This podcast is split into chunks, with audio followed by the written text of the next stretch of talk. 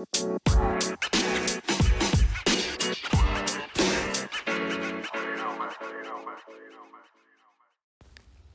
Yes, ik heb uh, net uh, twee hele leuke gesprekken weer gehad met uh, ondernemers waar ik mocht meedenken over de challenge. En daarna dacht ik, oh, het is al negen uur, kwart over negen. Um, zal ik dan nog nu wel een podcast opnemen of niet?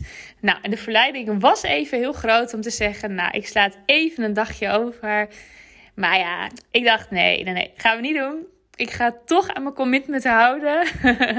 en ik ga toch gewoon nog heel eventjes kletsen. Ook al is het maar een minuutje. En dat is ook gewoon wat ik me steeds blijf, uh, tegen mezelf blijf zeggen. Het gaat echt niet om hoe lang de podcast duurt. Maar het gaat erom dat ik gewoon het blijf doen. Want als ik hem vandaag niet opneem, dan denk ik morgen, ach, weet je, kan ook nog wel een dagje wachten. En um, ik kan ook niet meer zeggen dat niemand hem gaat missen. Want ik zie elke keer, ook al ik maak eigenlijk heel weinig promotie, moet ik eigenlijk nog even wat meer doen. uh, zie ik dat er gewoon elke dag dat mijn podcast zonder promotie gewoon best wel vaak beluisterd is. Dus dan denk ik, ah, oh, superleuk. Ik word er toch echt wel blij van. En het gaat mij helemaal niet om aantallen. Maar ja, ik vind het toch gewoon wel heel erg leuk. En ik vind het ook heel erg leuk dat ik dan toch berichtjes ook krijg van... Uh, nou, uh, ik heb deze tip eruit gehaald. of ik heb uh, nou, bijvoorbeeld ook... Ik had het boek aangeraden van The Big Leap. Daar had ik vrijdag volgens mij wat over verteld. En nou, weet je dat iemand daardoor weer geïnspireerd is. Dus ja, dat vind ik wel echt het toffe ook aan, uh, nou, aan deze podcast. Dus dat ik echt uh, los van nou ja, de challenges ook mensen op andere manieren inspireer. Dus uh, nou, ik dacht, ik ga gewoon, hoe dan ook, ik zet hem aan weer. En ik ga nog even kletsen. En uh, uh, waar wil ik het over hebben? Nou, ik ga gewoon eens even, even denken. Wat ik, heb net een heel, heel leuk gesprek gehad met iemand waar ik mocht meedenken over de challenges. Um, ja, en wat, wat ik met haar eigenlijk een beetje heb bedacht. Zij, heeft een, uh, zij had een heel leuk onderwerp ook. En um, uh, met haar heb ik ook zo over gehad van wat nou als je de komende, het komende jaar, of misschien wel de komende twee jaar, bijvoorbeeld vier keer per jaar een, een challenge gaat geven. Weet je, zodat mensen um, ook gewoon weten dat jouw challenge uh, er meerdere keren per jaar is.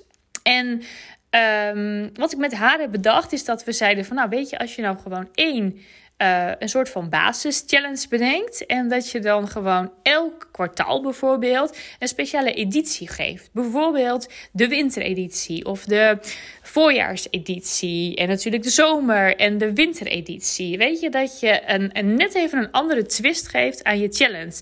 Maar dat de basis wel gewoon gelijk is.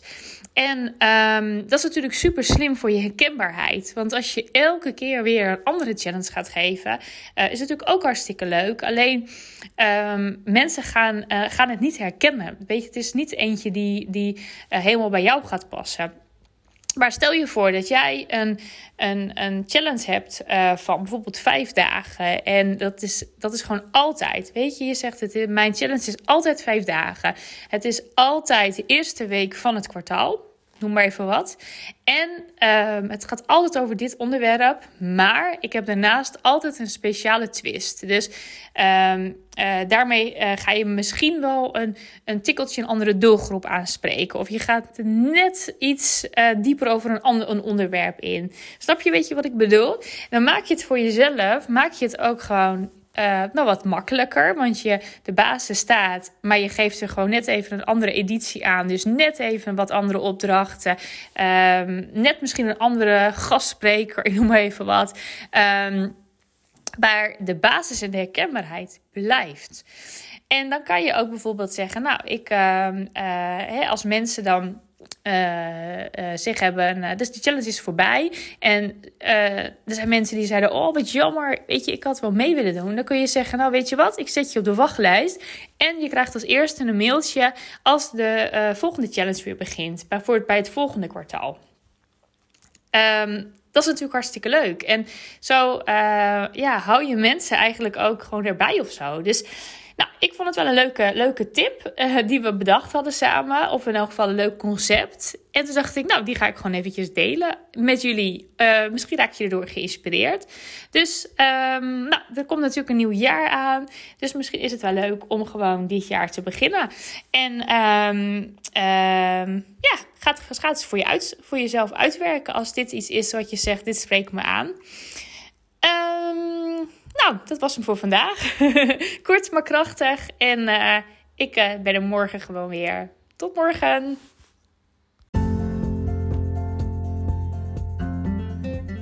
Superleuk dat je geluisterd hebt naar de podcast Challenge Yourself. Wil je nou nog meer inspiratie? Vraag dan de videoserie aan met hele toffe interviews met challenge experts. Je kunt hem aanvragen op de website heeldejaargeman.nl.